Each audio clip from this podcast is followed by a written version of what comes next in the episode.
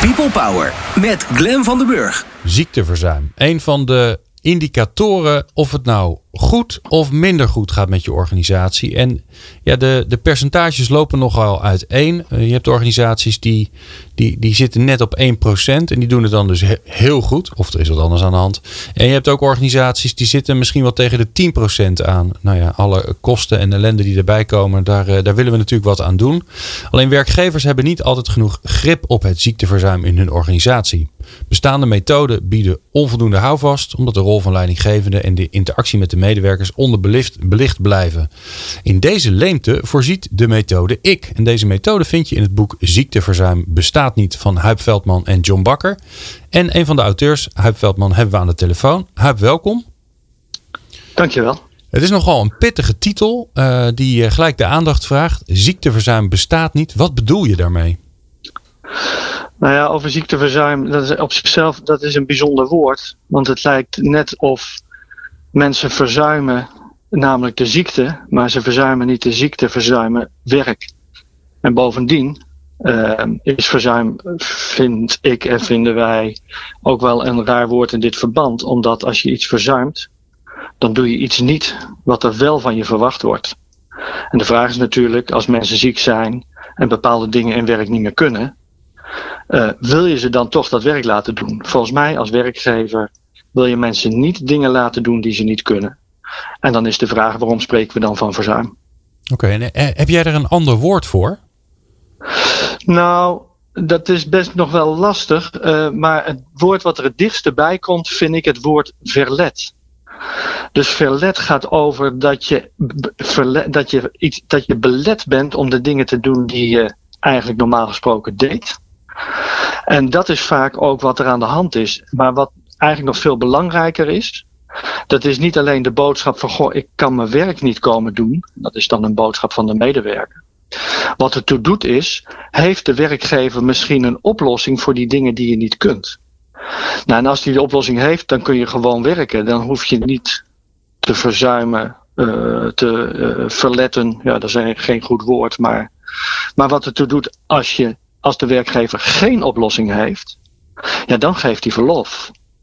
Dus met andere woorden, het woord verlet, dat is vanuit de werknemer gedeneerd soms uh, een goed woord om aan te geven dat bepaalde dingen niet lukken. En het woord verlof is een goed woord voor een werkgever om te zeggen: als ik geen oplossing heb en vind dat je thuis kunt blijven vanwege iets van ziekte, nou ja, laten we het dan ook verlof noemen. En verlof is namelijk een afspraak over werk. Okay. De afspraak om niet te werken. Ja. En, en door, het over, ja. door het over verlof te hebben, krijg je eigenlijk een soort, ja, een soort andere dynamiek, lijkt het bijna wel. Dat je, Klopt. Hè, dat je eerst gaat, gaat verkennen van wat kan er nog wel. En als dat niet lukt, ja. dan, dan ja, en verlof is toch iets wat je iemand gunt. Misschien wel iets meer dan dat je ja. dat een soort fait accompli ja. is. Ja, nou ja, weet je, gunnen, dat gaat nog zo over alsof je persoonlijk onderscheid maakt. Kijk, soms hebben mensen ook wel uh, kunnen ook wel echt aanspraak maken op verlof. Kijk, als je zwanger bent, uh, dan krijgen vrouwen zwangerschapsverlof. Dat is niet een keuze van, goh, ik gun het je. Ja, misschien ook wel trouwens. Maar het is ook een kwestie van dat medewerkers daar gewoon echt aanspraak op kunnen maken. Ja. En dat geldt ook bijvoorbeeld voor ziekteverlof, maar ook voor bijzonder verlof, voor calamiteitenverlof, nou, et cetera. Uh, dus vaak is een verlofvorm genoemd naar de reden waarom afgesproken wordt dat iemand nou ja, wat extra dagen niet werkt. Ja. In, in het boek beschrijf je de methode ik. Hoe zijn, ben jij of zijn jullie op die methode gekomen? Nou, dat is uh, ja, wel grappig. Kijk, de methode ik bedoelen we in ieder geval niet de BV-ik. Met de methode ik bedoelen we eigenlijk de enige die je veranderen kunt, dat ben je zelf.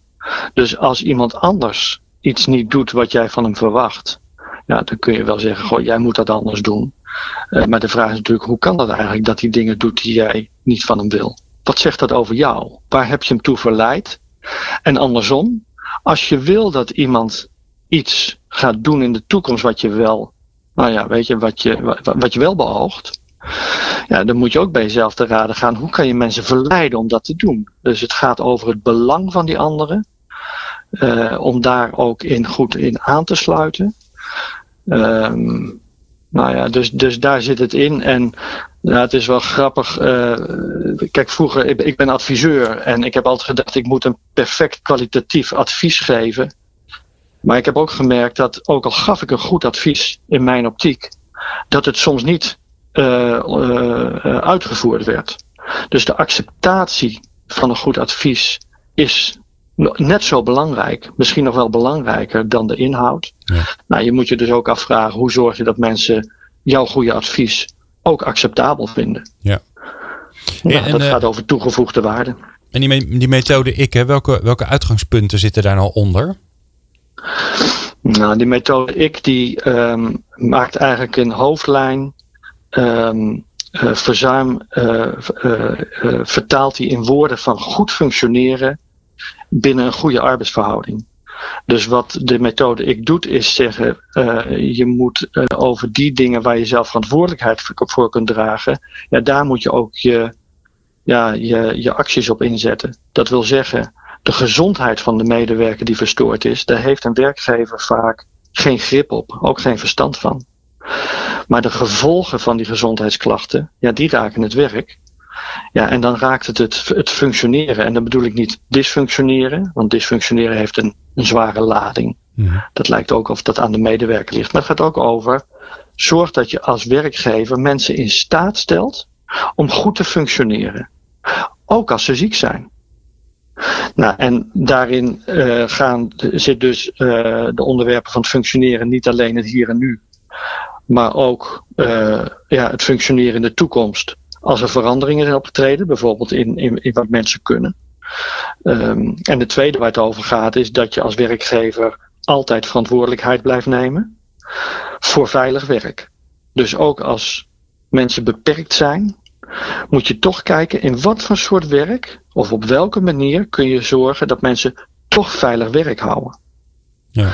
Nou, dat is wel de basis van de methode. En, en, en daar hebben we zes modellen voor ontwikkeld. Twee analysemodellen die gaan dus over dat functioneren en over de arbeidsverhoudingen. Dan zijn er twee modellen die gaan over ja, in feite de analyse van verstoringen daarin. En ook de aanknopingspunt om dat te herstellen. En dan zitten er nog twee modellen in die gaan over hoe bereik je nou in de toekomst weer die, die duurzaamheid en dat perspectief als die verstoring weer is opgelost. Ja. Dus die fases zitten erin. De analysefase, de oplossingsfase en de realisatiefase. En, um, uh, Huip, heb je nou, hè, want um, ik noemde het even aan het begin al, de, de, de verzuimpercentages bij organisaties die lopen heel erg uiteen. Uh, een, is er mhm. nou een soort van ondergrens dat je kunt zeggen van nou weet je, iedereen heeft wel eens, uh, hè, als je genoeg mensen in dienst hebt, dan heb je last van een griepgolf en als iemand thuis ligt met een griep, ja, dan, dan, dan kan hij gewoon niks. Hè, dan kan hij niet eens zijn bed uitkomen. dus daar hebben we allemaal last van. Maar er zit natuurlijk heel veel verzuim in wat eigenlijk nou ja, niet of nauwelijks aan, uh, aan echt ziek zijn uh, uh, gerelateerd is, maar te maken heeft met ik heb er geen zin in, ik voel me rot, mijn relatie met mijn werk, met mijn, met mijn leidinggevende is verstoord. Hoe, hoe zitten die, die verschillen tussen die twee? Nou ja, ik heb geen cijfers. Eén ding weet ik wel. Als je praat over verzuim, dan kan het percentage teruggebracht worden naar nul. Als je goede verhoudingen hebt, dan praat je niet over verzuim. Maar dan praat je over wat betekent die gezondheid voor wat je kunt in werk? En als je geen oplossingen hebt, ja, noem het dan geen verzuim. Maar dat is een semantische kwestie. Ja. Um, Want dan noem jij het verlof, hè? ja, de, precies, dan noem ik het verlof. En, en, dus ik heb liever dat dat altijd een overleg is, namelijk die gevolgen van werk. Het tweede is over gezondheid. En dus over wat een bodempercentage is voordat mensen met een ziekte nog wel of niet kunnen werken. Ja, dat weet ik niet. Want kijk, deze methode gaat niet over de ziekte. Deze methode gaat over de afspraken. En um, ik ben van mening dat je altijd met elkaar in gesprek bent mm-hmm. over werk of over andere mogelijkheden, opties die er zijn als het oude niet meer kan. Um, dus ja, over bodempercentages heb ik geen opvatting. Wat ik wel zie, organisaties die met deze methode werken, die krijgen meer grip op de aanwezigheid van mensen en ook meer zeggenschap over oplossingen waarmee medewerkers gewoon aan het werk kunnen blijven. En het gevolg daarvan is dat er minder instroom is in de arbeidsongeschiktheidsverzekeringen. En daardoor het totale, ja, de totale lasten van mensen die niet werken vanwege arbeidsongeschiktheid naar beneden gaan. Ja, nou, dat zie je ook daadwerkelijk. Uh, er zijn organisaties die hebben, ja, dat noemen ze dan soms toch nog weer het verzuimpercentage. maar die hebben hun uitvalpercentage uh, soms op, op 3%. Ja. En dan ook langdurig, niet één maand, maar gewoon echt een paar jaar achter elkaar. Mooi. Um, dus ja. ja. Zo kijk ik er tegenaan. Uh, maar ik sta maar niet blind op cijfers. Ik sta mij blind op nou, niet blind. Ik, ik, ik geef mijn aandacht aan goede verhoudingen ja. en goed functioneren, ook in de toekomst. En dus gaat het over verwachtingen uh, uh, die bijgesteld moeten worden. Ja. Nee, je noemde al even, hè, er staan een aantal modellen in die je kunt gebruiken uh, bij, het, uh, bij het omgaan met, uh, met, met ziekte. En, en mm -hmm. ja, ik durf bijna het, wond niet, het woord niet meer in mijn mond te nemen ja, met verzuim. Ja, gebruik.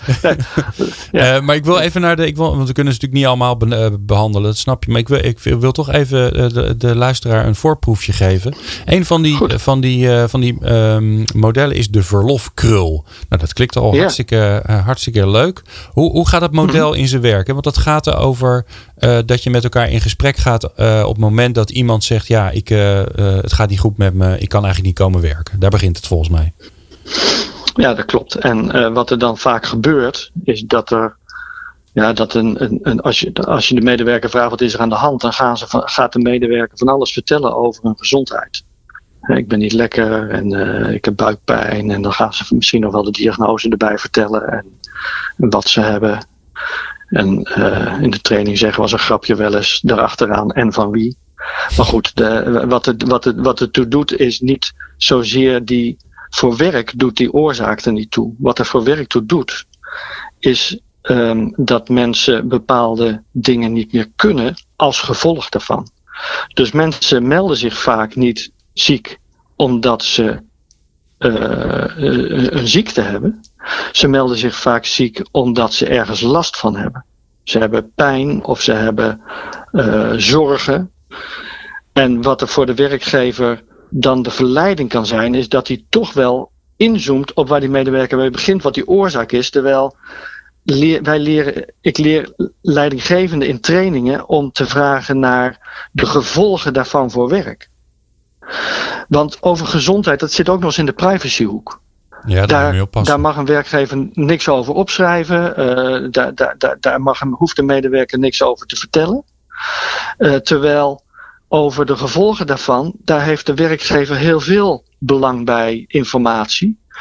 Om te kunnen inschatten, um, als iemand bepaalde dingen niet kan, wat kan ik dan nog in de omstandigheden doen om te zorgen dat hij niet ook nog eens zijn werk verliest. Dus als mensen al gezondheid verliezen, wil je wel dat ze toch hun werk wil houden. Nou, dus die informatie over belemmeringen. Nou, heel vaak kunnen mensen dat wel vertellen. Maar dat doen ze niet altijd. Dat willen ze ook niet altijd. Maar als je het echt nodig hebt, zou een werkgever ook de bedrijfsarts wel kunnen vragen over wat betekent dat nou voor wat iemand persoonlijk kan. Dus de essentie van die verlofkrul is om niet naar de oorzaak van klachten terug te gaan, want dat zit in die privacy.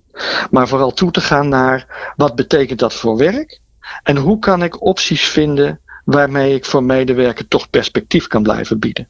Ja, want het doel daarvan is ook om mensen uh, zoveel mogelijk aan het werk te, te houden. Hè? Want dat vond ik wel mooi. Ik, ik las dat in ja. het boek dat daar stond. Ja. ja de oplossing van ja. verzuim is werk.